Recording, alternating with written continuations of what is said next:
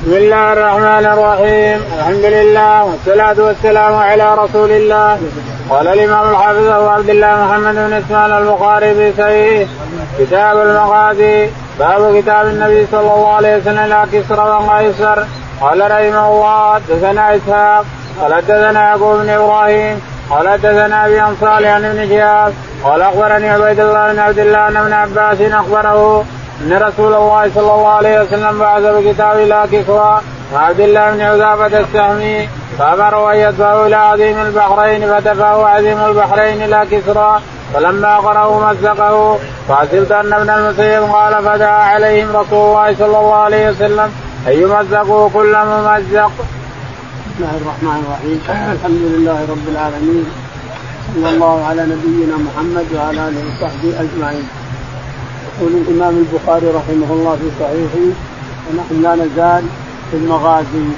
يقول رحمه الله حدثنا باب كتاب النبي صلى الله عليه وسلم إلى كتاب النبي عليه الصلاة والسلام إلى كسرى وقيصر والملوك يعني سنة تسع من الهجرة بعدما رجع من تبوك عليه الصلاة والسلام وفي غزوة تبوك الذي مرتنا البارح هي أن النبي عليه الصلاة والسلام تخلف عن الصلاه مع المغيره بن شعبة وهو يمسح الكعبين.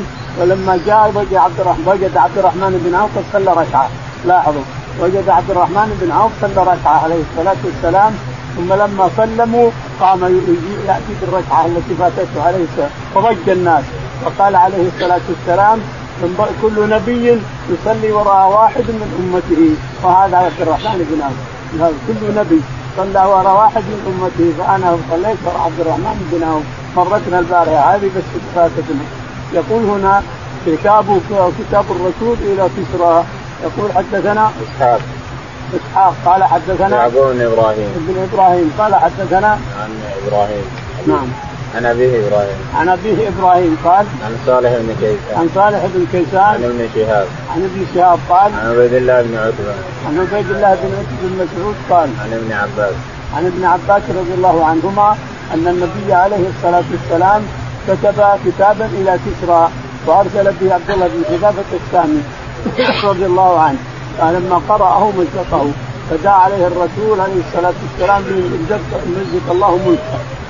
الواقع أن الصحابة رضي الله تعالى لما غزوا غزوا فارس حج لا يهرب من بلد إلى بلد ومن اثنين من اثنين ومن مملكة إلى مملكة هو نساؤه حتى لم يبقى حتى النساء انقضى تعالى تعالى الله وتقدم. بدعوة الرسول عليه انقرض حتى النساء ما بقى حتى نساء لفارس. ثم رجع إلى الصين إلى ملك الصين. قال أنت ملك فارس كسرى. ملك فارس ليش تجيني؟ قال قال من اللي حاربوك؟ اللي قاتلوك واخرجوا بلا من؟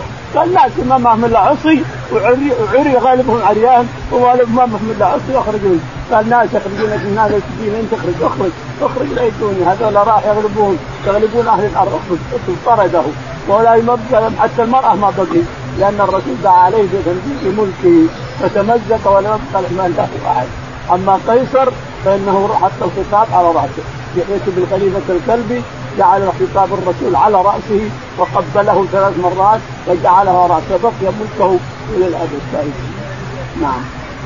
قال رحمه الله دثنا عثمان بن الهيثم قال دثنا عوفنا للحسن عن أبي بكر رضي الله عنه قال لقد نفعني الله بكلمة سمعتها من رسول الله صلى الله عليه وسلم أيام الجمل بعدما كدت أن ألحق بأصحاب الجمل فنقاتل معهم قال لما بلغ رسول الله صلى الله عليه وسلم أهل فارس قد ملكوا عليهم بنت كسرى قال لا يفلح قوم ولوا أمرهم امرأة. يقول البخاري رحمه الله حدثنا عثمان. عثمان قال حدثنا عوف عوف قال حدثنا الحسن البصري. الحسن البصري. عن أبي بكر. عن أبي بكر قال نفعني الله بكلمة سمعتها من رسول الله عليه الصلاة والسلام يقول لما غزت الجمل عائشة رضي الله عنها بمشوره من طلحة رضي الله عنه وابن الزبير وابن الزبير وجماعة خرجت بجيش من المدينة لتقاتل علي بالكوفه تقاتل علي بن أبي طالب بالكلمة التي قالها. النساء سواها كبير. لما شاورهم أيام الافك قال علي النساء سواها كثير أسامة قال لا نعلم يا رسول الله عليها إلا خيرا. فامسك عليك اهلك علي قال النساء لا تقتل نفسك. النساء سواها كثير بهذه الكلمة صارت ما تذكر علي باسمه وجيست الجيوش وخرجت حتى سمعت بالليل كلاب كلاب الحوهب فقالت ما هذا الماء؟ قالوا الحوهب قالت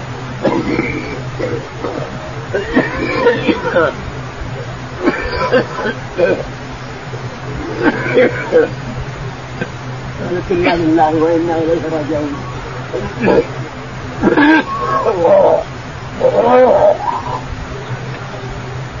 وقد سمعت الرسول عليه الصلاة والسلام يقول ان يقول إن احداكن لتنبعها كلاب الحوض. فلا اجدني إلا راجعا. لكن غلب عليها من معها الزبير رضي الله عنه وعبد الله بن الزبير ومن معها من الجيوش حتى وصلت صارت صارت وقعة الجمل قتل فيها طلحة رضي الله تعالى عنه. قتل في الجمل طلحة. عاد يقول أبو بكر هنا يقول نفعني الله بكلمتين. سمعتها من رسول الله عليه الصلاة والسلام حين كدت أن ألحق بجيش عائشة وقاتل علي. يقول لكني تذكرت كلمة قالها الرسول عليه الصلاة والسلام حين سمع أن فرس ولوا عليهم بالكسرى قال لا يفلح قوما ولوا عليهم امرأة لا يفلح قوما ولوا عليهم امرأة يقول فلما تذكرت الكلمة هذه يقول رجعت ما عاد راح قال رحمه الله حدثنا علي بن عبد الله قال حدثنا سفيان قال سمعت الزهري عن السائب بن يزيد رضي الله عنه يقول أذكر أني خرجت مع الغلمان إلى ثنية الوداع نتلقى رسول الله صلى الله عليه وسلم وقال سفيان مرة مع سفيان. يقول البخاري رحمه الله حدثنا علي بن عبد الله. علي بن عبد الله المديني قال حدثنا سفيان بن عيينة. سفيان بن عيينة قال حدثنا الزهري. الزهري قال عن السائب بن يزيد. عن السائب بن يزيد قال يقول اذكر خرجت مع الغلمان إلى ثنية يقول السائب بن يزيد خرجت مع الغلمان من المدينة خرجت المدينة بكاملها لما أقبل الرسول عليه الصلاة والسلام ووصل ثنيات الوداع. ثنيات الوداع عند أحد. ثلاث جبلات صغيرة ثلاث جبال صغيرة تسمى ثنيات الوداع في شمال أحد. ولقيت أحد هذا جبل أحد هذه الثنايا عن شمال أحد ثلاث ثنايا. وهي التي قالوا فيها وطلع البدر علينا من ثنيات الوداع. وجب الشكر علينا ما دعا لله دعا أما بعض المؤرخين اللي يؤرخون في عصرنا هذا في ثنيات الوداع عندما وصل الرسول المدينة. عندما وصل الرسول المدينة نزل عنه بالكتوم ونزل بقبى ولم يعلم به أحد إلا بعد أسبوعين وثلاثة. خرج الأنصار يتلقونه. وأما هذا في غزوة تبوك لما رجع طلع الجواري يضرب بالدف ويقول خرج طلع البدر علينا من ثنيات الوداع. ثنيات الوداع شمال ما هي هنا غرب. جاء شمال وتلقت المدينة بكاملها. طلع النساء وطلع الأطفال يتلقونه لأنه أخذ عنهم شهرين غياب شهرين عليه الصلاة والسلام الشاهد ان الثنايا هناك طلع البدر علينا نعم. قال رحمه الله حدثنا عبد الله بن محمد قال حدثنا سفيان الزهري عن السائب رضي الله عنه قال اذكر أني خرجت مع السبيان نتلقى النبي صلى الله عليه وسلم إلى ثنية الوداع مقدمه من غزوة تبوك. يقول البخاري رحمه الله حدثنا عبد الله بن محمد عبد الله بن محمد قال حدثنا سفيان سفيان عن الزهري. عن الزهري عن السائب بن يزيد. عن السائب بن يزيد قال تلقينا الرسول عليه الصلاة والسلام عند ثنيات الوداع. المدينة بكاملها خرجت وتلقى الرسول لأنه تأخر عنهم شهرين.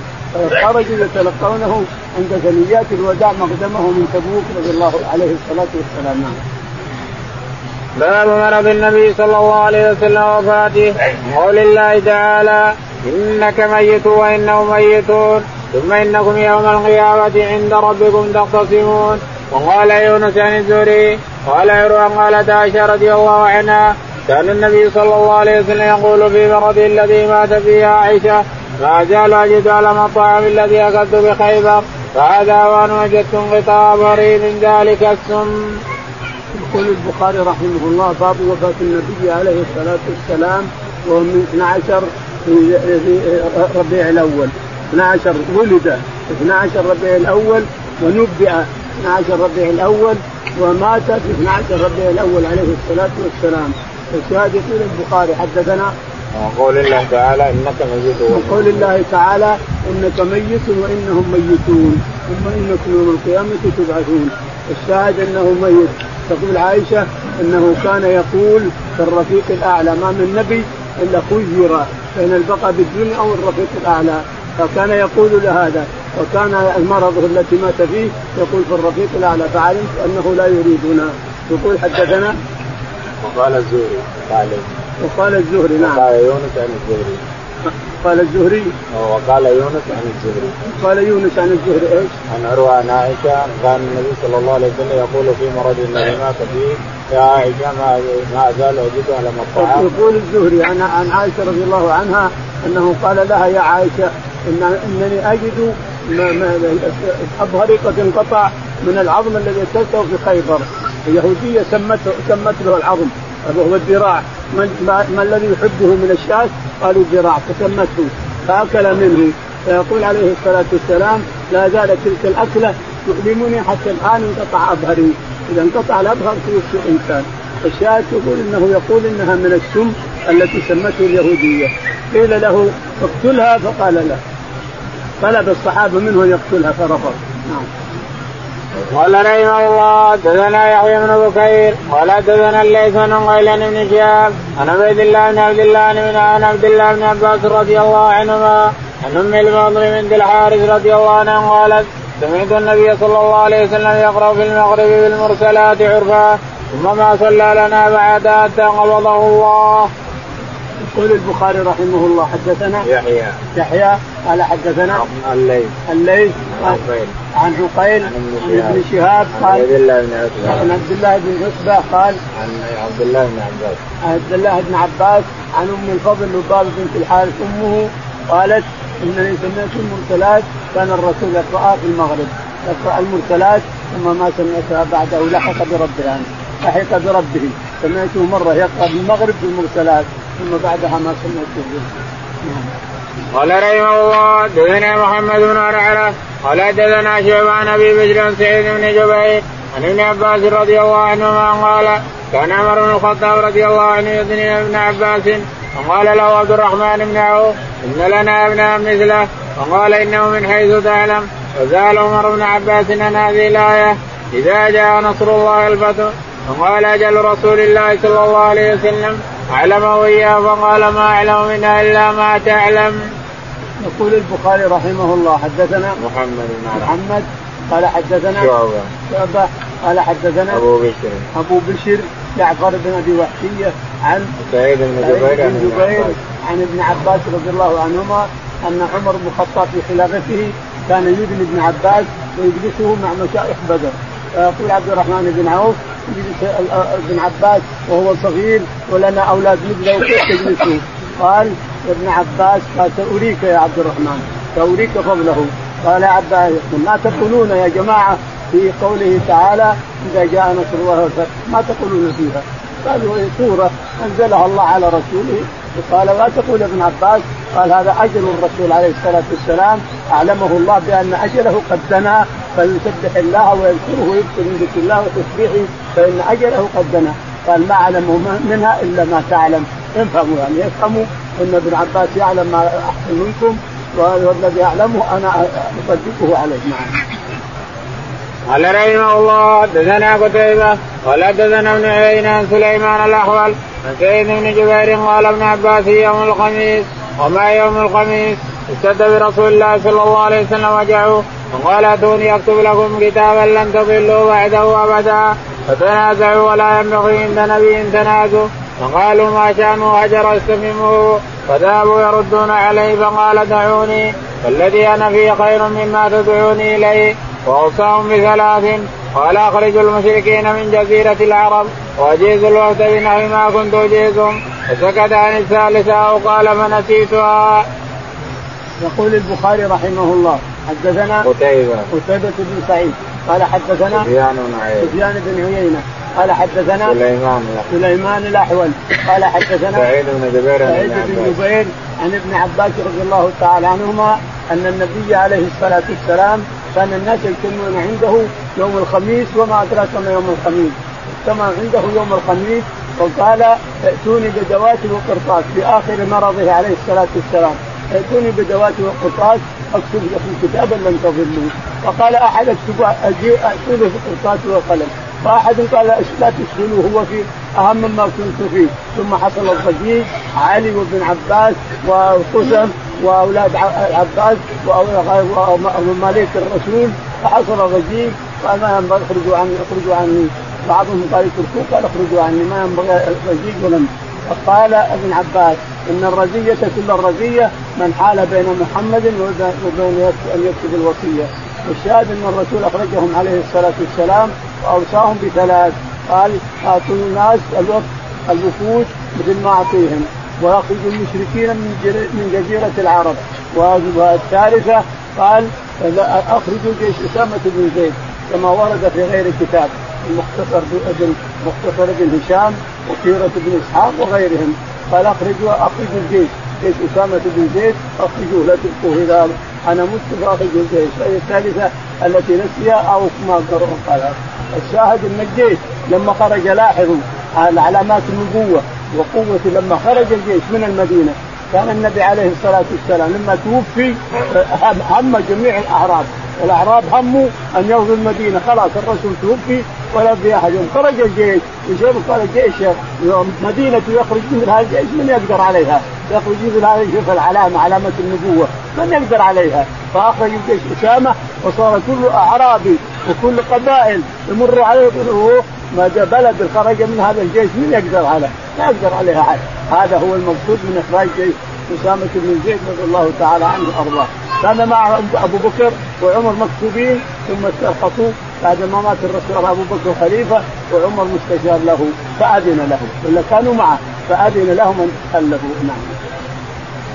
قال رحمه الله حدثنا علي بن عبد الله قال حدثنا عبد الرزاق قال أخبرنا معمر الزهري عبيد الله بن عبد الله بن عثمان بن عباس رضي الله عنهما قال لما حضر رسول الله صلى الله عليه وسلم وفي البيت رجال فقال النبي صلى الله عليه وسلم هلموا واكتب لكم كتابا لا تضلوا بعده. فقال بعضهم إن رسول الله صلى الله عليه وسلم قد غلبه الوجع وعندكم القرآن اسمنا كتاب الله فاختلف أهل البيت واختصموا فمنهم من يقول قربوا يكتب لكم كتابا لا تضلوا بعده ومنهم من يقول غير ذلك. فلما اكثروا اللغو الاختلاف قال رسول الله صلى الله عليه وسلم قوموا. قال عبيد الله فكان يقول ابن عباس إن الرذي كل الرذي ما حال بين رسول الله صلى الله عليه وسلم وبين أن يكتب لهم ذلك الكتاب باختلافهم ولغطهم. يقول البخاري رحمه الله حدثنا علي بن عبد الله. علي بن عبد الله المديني قال حدثنا عبد الرزاق. عبد الرزاق الصنعاني قال حدثنا معمر.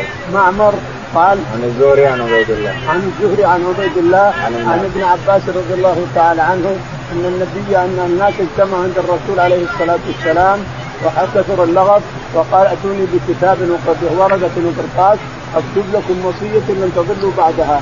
فكثر اللغط أحد يقول أتوا بورقة.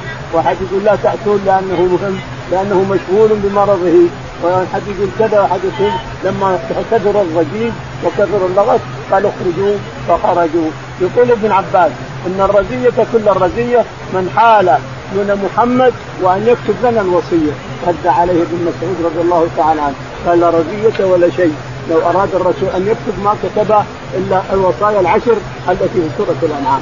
لو أراد الرسول يكتب ما في رزيه من جد يكتب الرسول. ما هو كاتب شيء إلا الوصايا العشر التي في سوره الأنعام.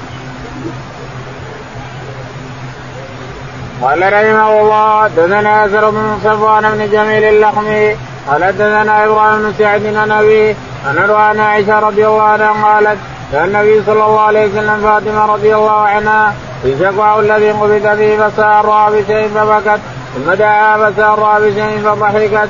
فسألنا عن ذلك فقالت سارني النبي صلى الله عليه وسلم أنه يقبض في وجهه الذي توفي فيه فبكيت ثم سارني فأخبرني أني أول علي اتبعه فضحكت. يقول البخاري رحمه الله حدثنا يسرى يسرى بن يسرى بن صفوان قال حدثنا إبراهيم بن سعد. إبراهيم بن سعد عن أبيه. عن أبيه سعد عن عروة عن عائشة. عن عروة عن عائشة رضي الله تعالى عنها أن فاطمة رضي الله تعالى عنها أتت أباها أيام مرضه التي لحق في ربه فسارها فبكت ثم سارها فضحكت.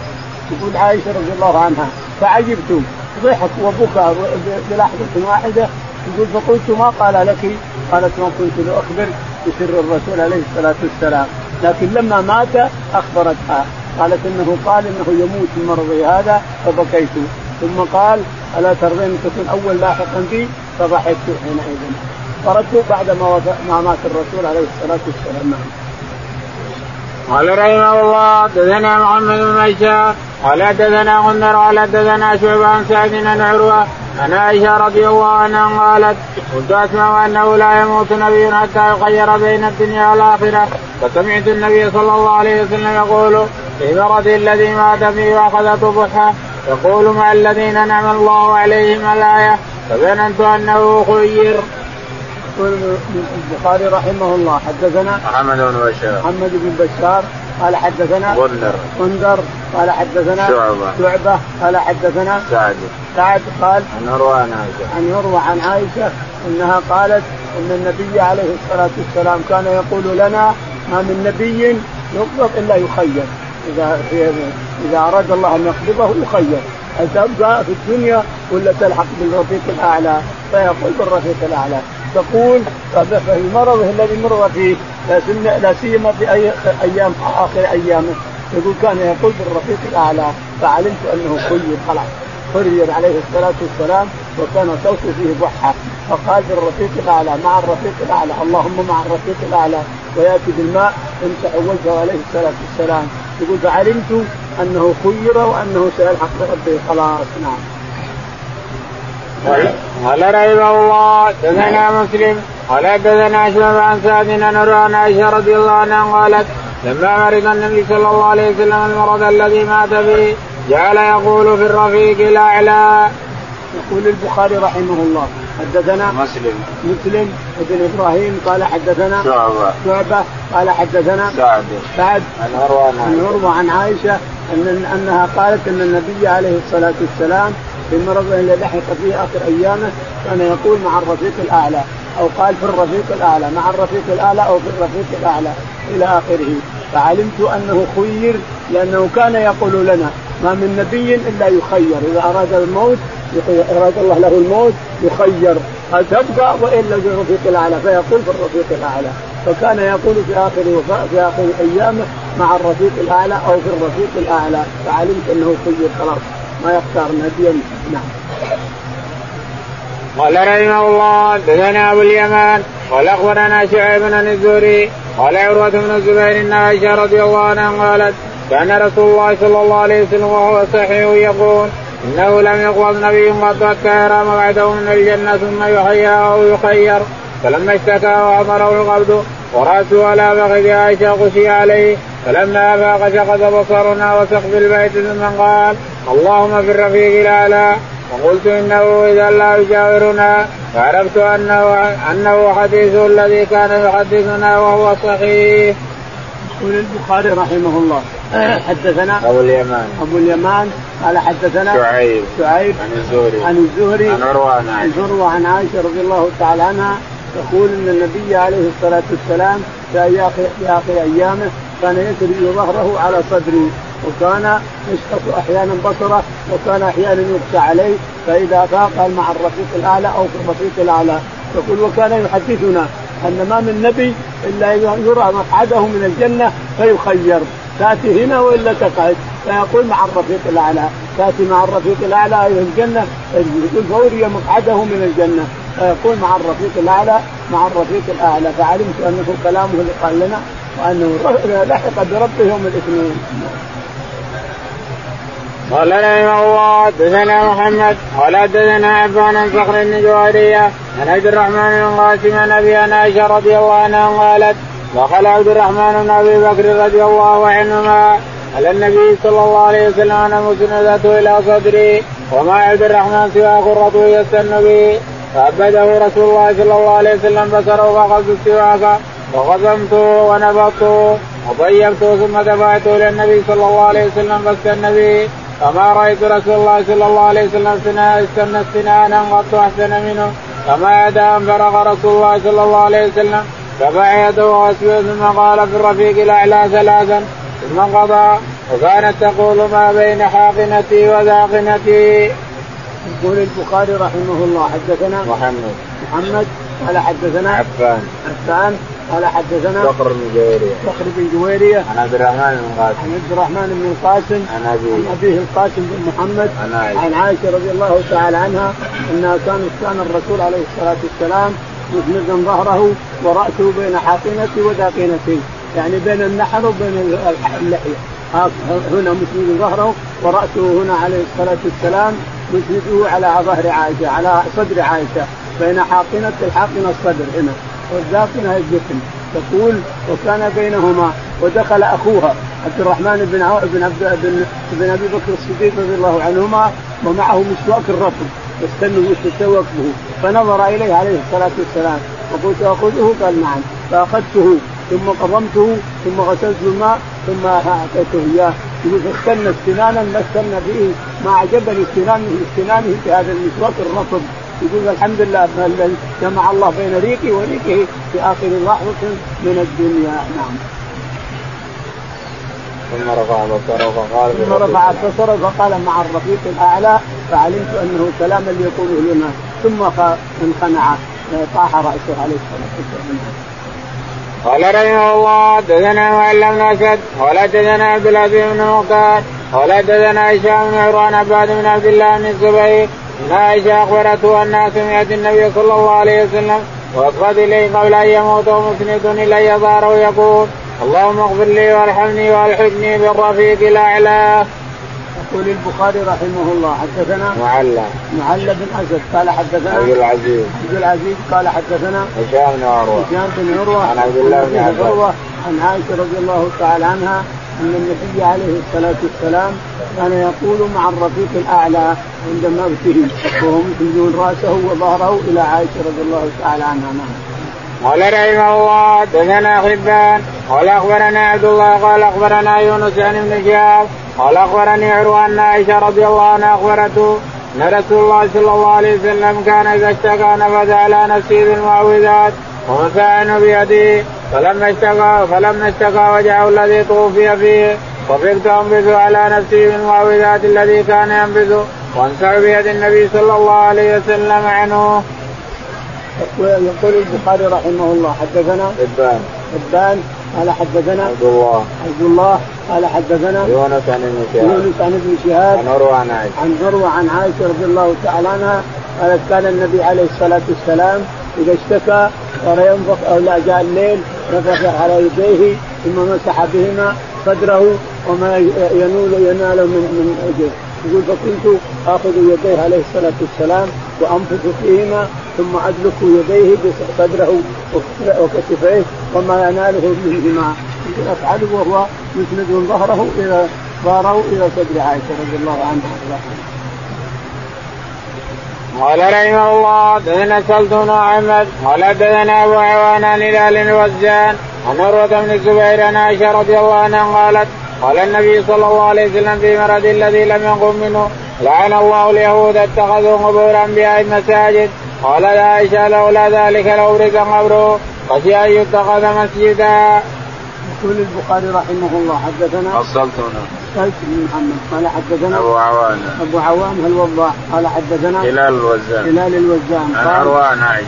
عن عروه عن عروة عن عائشة رضي الله تعالى عنها أن النبي عليه الصلاة والسلام قال لعن الله اليهود والنصارى اتخذوا على قبور أنبيائهم مساجد.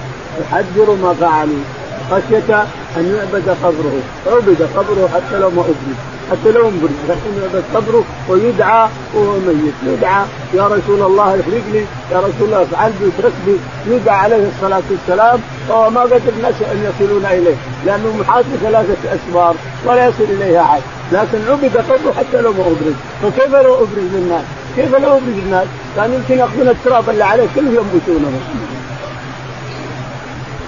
قال رحمه الله حدثنا سعيد بن عفير قال حدثنا الليث قال حدثني عن غيلان بن شهاب قال أخبرني عبيد الله بن عبد الله بن عتبة بن مسعود أن عائشة زوج النبي صلى الله عليه وسلم قالت لما ثقل رسول الله صلى الله عليه وسلم اشتد في وجهه استأذن أزواجه يمرض في بيته فأذن له فخرج وهو بين الرجلين فقلت رجلاه في الأرض بين بين عباس بن عبد المطلب وبين رجل آخر قال عبيد الله فاخبرت عبد الله بالذي قالت عائشة وقال لي عبد الله هل تدري من الرجل الآخر الذي الذي لم تسمي عائشة؟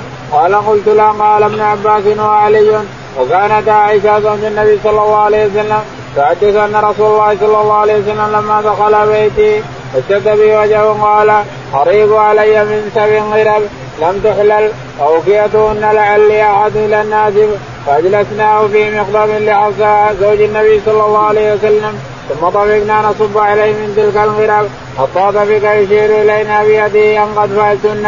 قال ثم خرج إلى الناس فصلى لهم وخطبهم. يقول البخاري رحمه الله حدثنا سعيد. سعيد. قال حدثنا الليل. الليل. قال حدثنا قيل عن ابن شهاب. قيل عن ابن شهاب قال عن عبيد الله بن عتبة عن عبيد الله بن عتبة عن عائشة رضي الله تعالى عنها قالت آه، لما تقول برسول الله صلى الله عليه وسلم تقول لما تقول المرض بالرسول عليه الصلاة والسلام استأذن أزواجه أن يمرض في بيت عائشة. وكانت عائشة تحدث أن رسول الله صلى الله عليه وسلم لما دخل بيتي اشتد بيده وقال هريبها علي من سبب رب تقول عائشة رضي الله تعالى عنها لما وصل إلى بيتها قال لزوجاته اتبع زوجاته. قال لزوجاته افرغن علينا علي من سبع قرب لم لم تفكك اوديتهن سبع قرب سبع سنن يعني بارده مرة ابرد من الثلاجة. أفرغوا علي من السبع هذه كلها فجاءوا بقش حمزه لحفصه قش كبير لحمزة لحفصه رضي الله عنها.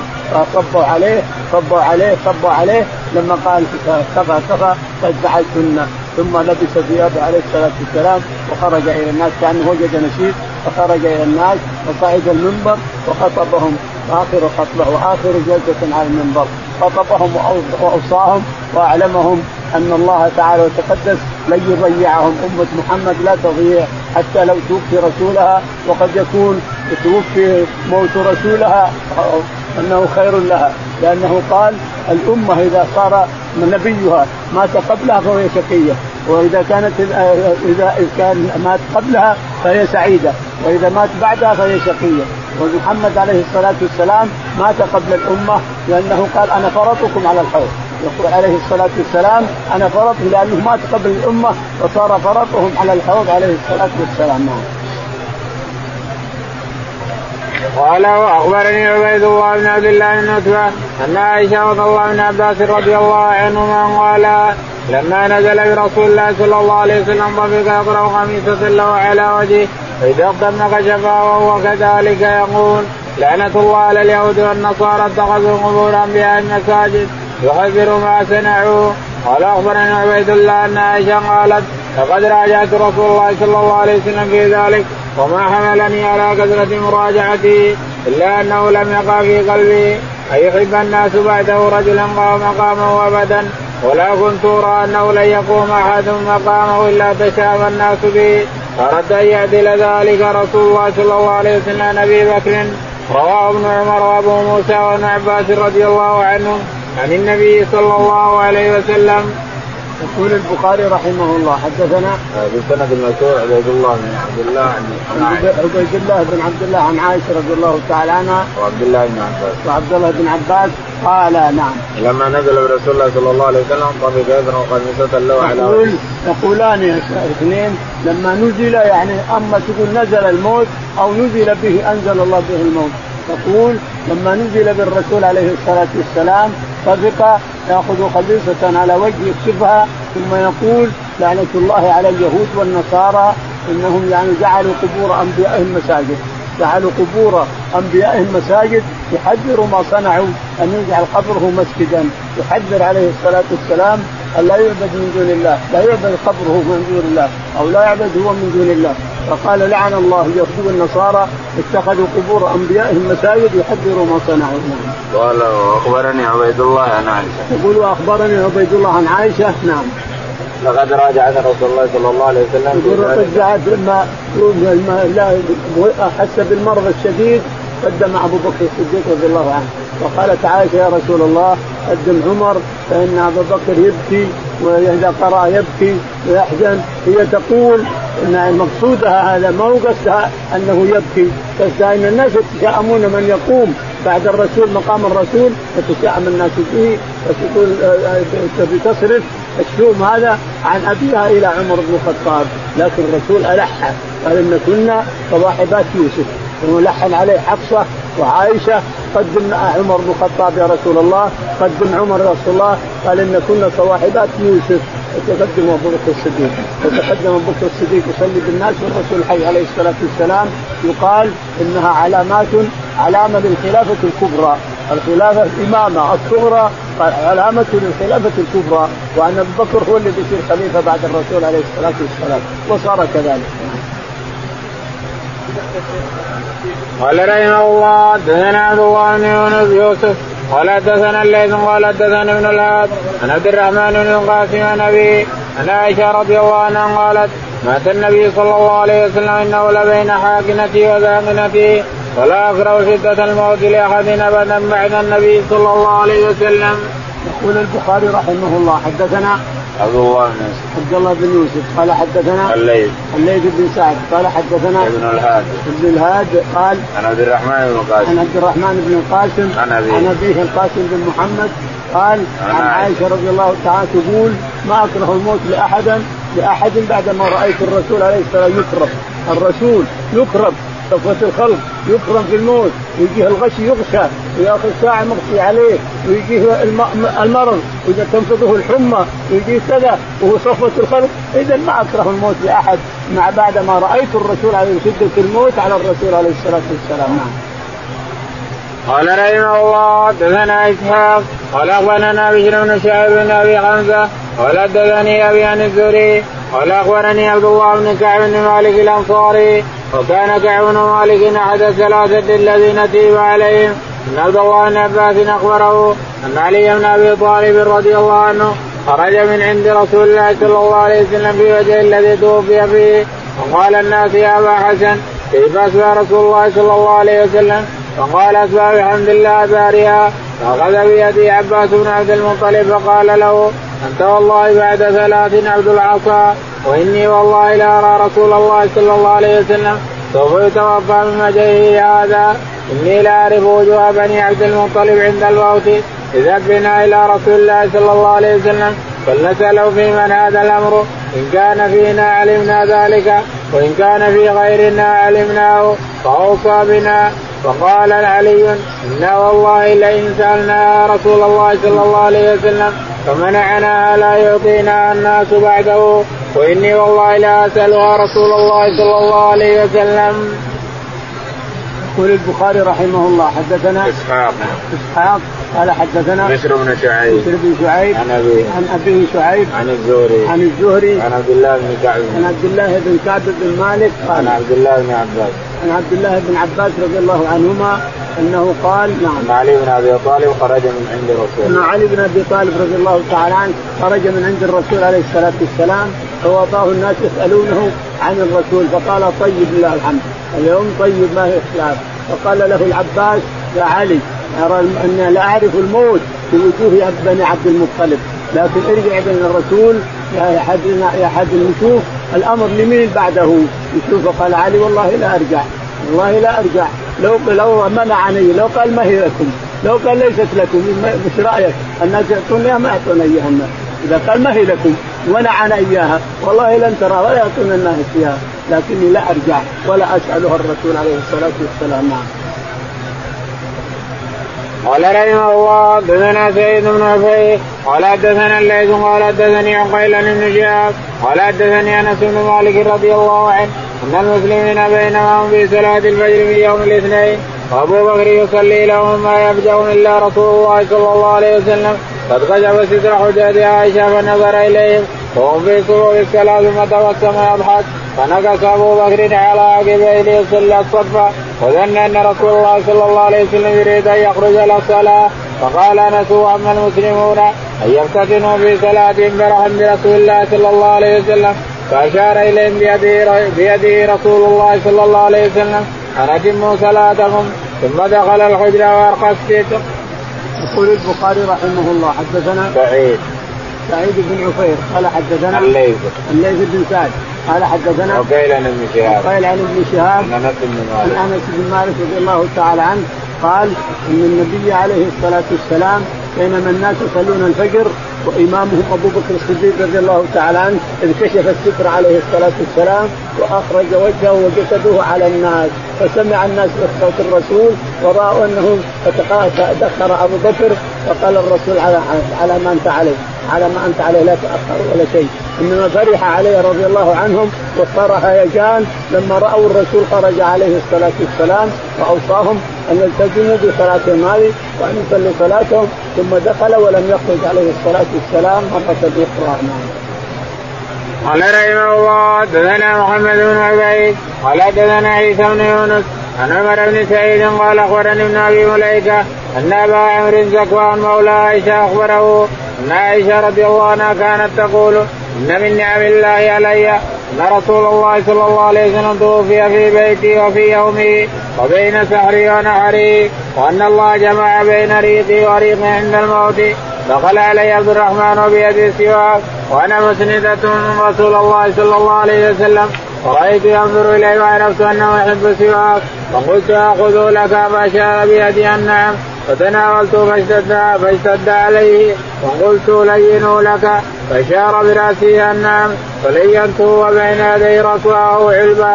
يشك عمر فيها ماء وجعل يدخل يديه في الماء فيمسح بهما وجهه. يقول لا إله إلا الله. إن للموت سكرات. ثم نصب يده فجعل يقول في الرفيق الاعلى حتى قبض. ومالت يده. يقول البخاري رحمه الله حدثنا محمد بن عبيد. محمد بن عبيد. قال حدثنا عيسى. عيسى. قال حدثنا عمر بن سعيد. عمر بن سعيد. عن ابن أبي مليكة. عن ابن أبي مليكة يزيد محمد. قال حدثنا أبو عمرو ذكوان أبو عمرو ذكوان مولى مولى, مولى عائشة رضي الله تعالى عنها. إن عائشة رضي الله تعالى عنها قالت إن من نعم الله علي أن رسول الله تعدد ميزات ميزاتها على غيرها وأنها من نعم الله. لا شك أنها من نعم الله وأنها من مميزات لعائشه اولا أن الله جمع بين ريقها وريقها عند آخر لحظة قبل أن يموت. ثانيا أنه مات بين سحرها هنا. رأسه بين سحرها ونحرها هذا المنحر وهذا السحر. فوق الصدر. هنا. فرأسه هنا. وصدره على ظهرها منتسب على ظهرها. وثالثا نعم. في بيتي وفي يوم في بيتها وفي يومها. مات في بيتها ومات في يومها. رضي الله عنها وارضاها نعم لها ميزات كثيره عائشة رضي الله تعالى عنها. نعم فجعل يدخل يديه في الماء فامتعد يقول دخل عبد الرحمن بن عو... بن, عو... بن أبي بكر الصديق ومعه مسواك الرفض. قال ينظر إليه. فقلت اخذه قال نعم. فأخذته فقضمته وغسلته بماء ثم أعطيته إياه فاستنى به سنان لم أرى غيره رطب السواك رطب ثم بعدها ارتقى رأسه عليه الصلاة والسلام. قال رحمه الله حدثنا إسماعيل قال حدثنا سليمان بن بلال قال حدثنا هشام بن عروة قال أخبرني أبي ان عائشة رضي الله عنها أن رسول الله صلى الله عليه وسلم كان يسأل في مرض الذي مات فيه يقول أين أنا غدا؟ أين أنا غدا؟ يريد يوم عائشة فأذن له أزواجه. يكون حيث شاء فكان في بيت عائشة حتى مات عندها. قالت عائشة فمات في اليوم الذي كان يدور علي فيه في بيتي فقبضه الله وإن رأسه لبين نحري وسحري وقال طريقه ريقي ثم قال دخل عبد الرحمن بن أبي بكر ومعه سواك يستن به فنظر إليه رسول الله صلى الله عليه وسلم فقلت له أعطني هذا السواك يا عبد الرحمن. فأعطاني فخضمته ثم بذقته فأعطيت رسول الله صلى الله عليه وسلم فاستن به ومسند إلى صدري. يقول البخاري رحمه الله حدثنا إسماعيل. إسماعيل قال حدثنا سليمان. سليمان قال حدثنا هشام بن عروة. هشام بن عروة عن ابي عن ابي عروة عن عائشة. رضي الله تعالى عنها يقول الله إن النبي عليه الصلاة والسلام كان يقول لزوجاته أين أنا غدا أين أنا غدا؟ حتى أذن له استأذنه وأذن له أن يكون في بيت عائشة. تقول رضي الله عنها وإن النبي عليه الصلاة والسلام لحق بربه في يوم الذي يأتي لحق بربه في يوم الذي اتم ولحق بربه ورأسه بين سحري ونحري. ولحق بربه وريقي على ريقه. آخر شيء أن ريقي وريقي اختلطا في آخر لحظة إلى آخره. فهي مميزات لعائشة لعائشة رضي الله تعالى عنها وارضاها نعم. قال رحمه الله حدثنا سليمان بن حرب قال حدثنا حماد بن زيد عن أيوب عن ابن أبي مليكة عن عائشة رضي الله عنها قالت توفي النبي صلى الله عليه وسلم في بيتي وفي يومي وبين سحري ونهري وكانت إحدانا تعوذه بدعاء إذا مرض فذهبت أعوذه فرفع رأسه إلى السماء وقال في الرفيق الأعلى في الرفيق الأعلى ومر عبد الرحمن بن أبي بكر وفي يده جريدة رطبة فنظر إليه النبي صلى الله عليه وسلم فظننت أن له بها حاجة فأخذتها فمضغت رأسه ونفضتها ودفعتها إليه فاستنى بها كأحسن ما كان مستنى ثم ناول ثم ناولنيها فسقطت يده أو سقطت من يده فجمع الله بين ريقي وريقي في آخر يوم من الدنيا وأول يوم من الآخرة. يقول البخاري رحمه الله حدثنا سليمان. سليمان قال حدثنا حماد بن زيد. حماد بن سلم بن زيد قال حدثنا أيوب. أيوب عن ابن أبي عن ابن أبي مليكه عن عائشة. عن عائشة رضي الله تعالى عنها قالت إن الله تعالى وتقدس خصني بأربع من الرسول عليه الصلاة والسلام حينما مات. اولا أنه في بيتي وفي يومي وجمع الله بين ريقي ورقه في مسواك من الاراك و في سحر. في سحر. ومات بين سحري ونحري. ورأسه على ظهره. ورأسه بين سحري ونحري. يعني أربع ميزات لعائشة رضي الله تعالى عنها عند موت الرسول عليه الصلاة والسلام. نعم. قال رحمه الله حدثنا يحيى بن بكير قال حدثنا الليث بن غيلان بن شهاب قال أخبرني أبو سلمة أن عائشة أخبرته أن أبا بكر رضي الله عنه اقبل على فرس من مسنه بسن حتى نزل فدخل المسجد فلم يكلم الناس حتى دخل على عائشة فتيمم رسول الله صلى الله عليه وسلم ومقسم بثوب حبرة فكشف وجهه ثم كب عليه فقبله وبكى ثم قال بأبي أنت وأمي والله لا يجمع الله عليك موتتين أما الموت التي كتبت عليك فقد متها قال الزهري حدثني أبو سلمة عبد الله بن عباس ان ابا بكر خرج عمر يكلم الناس. فقال اجلس يا عمر؟ فأبى عمر أن يجلس فاقبل الناس إليه وتركوه عمر. فقال أبو بكر أما بعد؟ من كان منكم يعبد محمدا صلى الله عليه وسلم فإن محمدا قد مات. ومن كان منكم يعبد الله فإن الله حي لا يموت.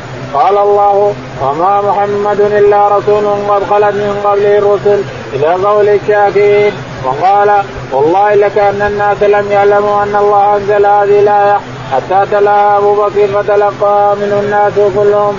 وما اسمع بشرا من الناس إلا يتلو. أخبرني سعيد بن المسيب ان عمر قال والله ما هو إلا أن سمعت أبا بكر تلاها.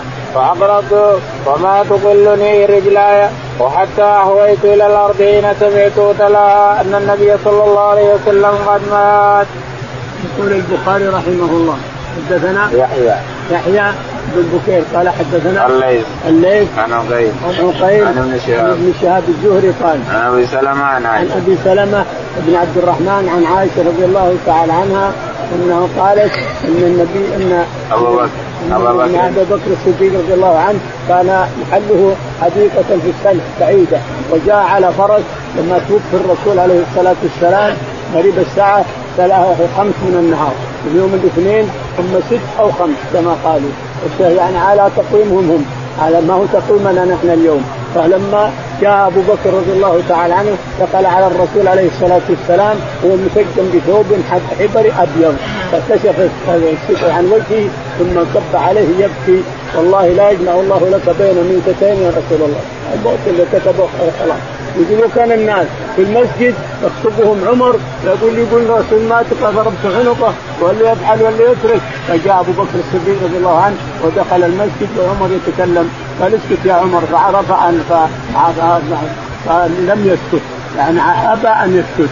فقال أبو بكر رضي الله عنه أيها الناس من كان يعبد محمد فإن محمدا قد مات ومن كان يعبد الله فإن الله حي لا يموت. ثم تلا وما محمد إلا رسول قد خلت من قبله الرسل. أفإن مات أو قتل انقلبتم على عقابكم؟ ومن ينقلب على عقبه فلن يضر الله شيئا.